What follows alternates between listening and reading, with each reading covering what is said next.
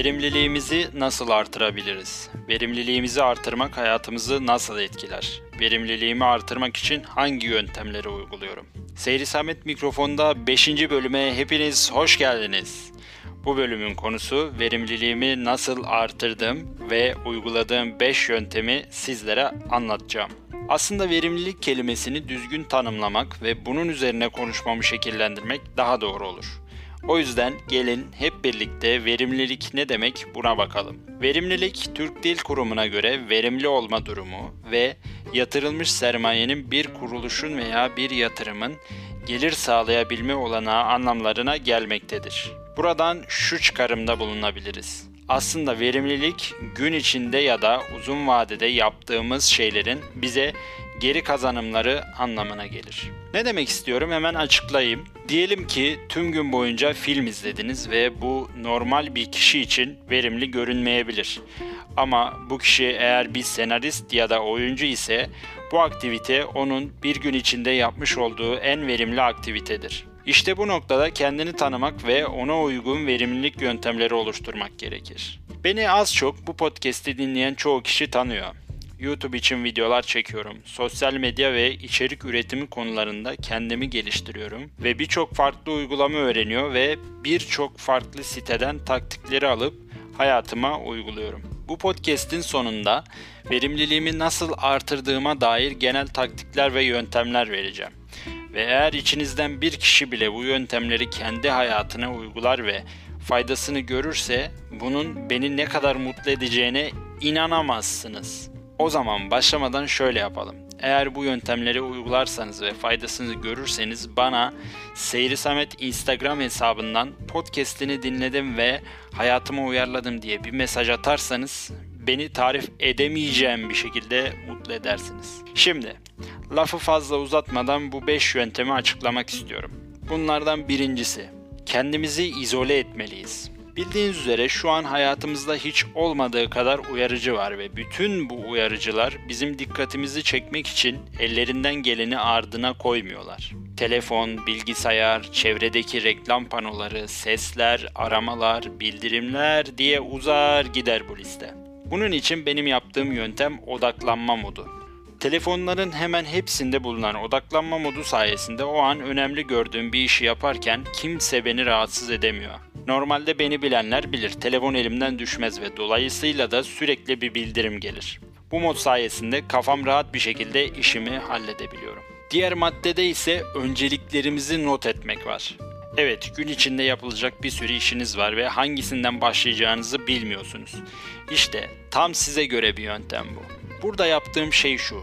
Gün içinde yapacağım işleri küçük kağıtlara yazarak öncelik sırasına göre dizip masamın üzerine bırakıyorum. Ve gözüm ne zaman oraya gitse neyin daha önemli, neyin daha az önemli olduğunu görüyorum.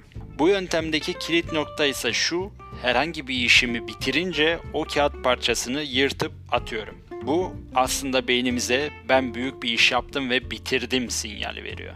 Üçüncü madde ise bildirim ayarlarını düzenlemek. Bu da yine çok önemli ve gerekli bir şey. Gün içinde kullandığımız çeşit çeşit uygulama var ve bunların bize sürekli bildirim göndermesi bizim için bazen bunaltıcı hale gelebiliyor. Ve FOMO yani bir şeyleri kaçırma korkusu yüzünden ister istemez bakıyoruz ve bu durum bizi içten içe yiyip bitiriyor. Biraz zaman ayırarak tüm bildirimleri ayarlamak aslında geriye kalan hayatımız için bize çok çok daha güzel zamanlar yaratabilir. Dördüncü maddemizde ise mail kutusunu temizlemek, gereksiz aboneliklerden çıkmak var. Bu durumda yine çoğu kişinin başının belasıdır. Çünkü zamanında girdiğimiz, kaydolduğumuz ya da bir şekilde mail kutumuzu dolduran maillerin hem telefonumuzda hem de kafamızın içinde ister istemez yer kaplaması bizi rahatsız eder. Kendi adıma konuşmam gerekirse benim mail kutum her zaman boş durur. Çünkü düzenli aralıklarla mail attığım ya da mail aldığım için sürekli kontrol ederim. Bunun yanında istemediğim ya da spam mailler için mutlaka abonelikten çıkarım ki bir daha benim zamanımı boş harcamasın. Düşünün ki önemli bir yerden mail geldi ve sizin mail kutunuz o kadar dolu ki o fırsatı ya da iş imkanını kaçırdınız. Bu durumda ne yapardınız? Mutlaka sinirlenirdiniz. O yüzden böyle durumlara fırsat vermeyin. biraz zaman ayırın, temizleyin, ileride size daha çok zaman kalsın. Hem temizlik yapmak beyni de rahatlatır. Yüklerinizden de kurtulursunuz. Beşinci ve sonuncu maddemizde ise kısa yollar var. Bilmiyorum bu konunun üstünde kimse durmuyor ya da bana öyle geliyor ama telefonda bir kısa yol kullanmak ya da laptopta bir kısa yol kullanmak sizi çoğu işinizde hızlandırır ve siz farkına varmasanız dahi size zaman kazandırır. Hepimizin hem bilgisayarda hem de telefonda kullandığı ya da bildiği birkaç kısa yol vardır. Ama bu kısa yolların hepsine hakim olduğunuzu bir düşünün. Sanki işlemleri siz değil de bir robot yapıyor gibi hissedebilirsiniz. Hem öğrendiğiniz kısa yolları arkadaşlarınıza göndererek onlara hava atabilir ya da doğru deyimiyle yardımcı olabilirsiniz. Benim kullandığım kısa yollar şu şekilde. Klavyedeki tuş kombinasyonları, Chrome tarayıcı yer imleri, sık kullandığım uygulamaları ana ekranda sabitleme, kullandığım Premiere Pro, Photoshop gibi uygulamaların klavye tuş kombinasyonları, sesli erişim özellikleri ve şu an aklıma gelmeyen diğer kısa yollar.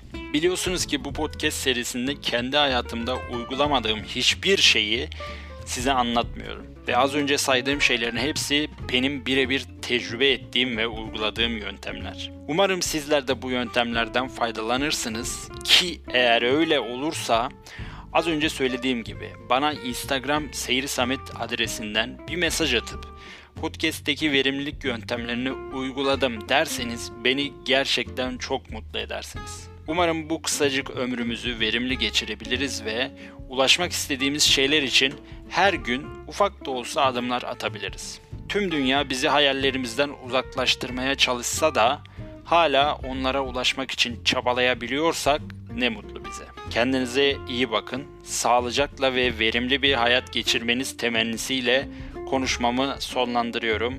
Hoşçakalın.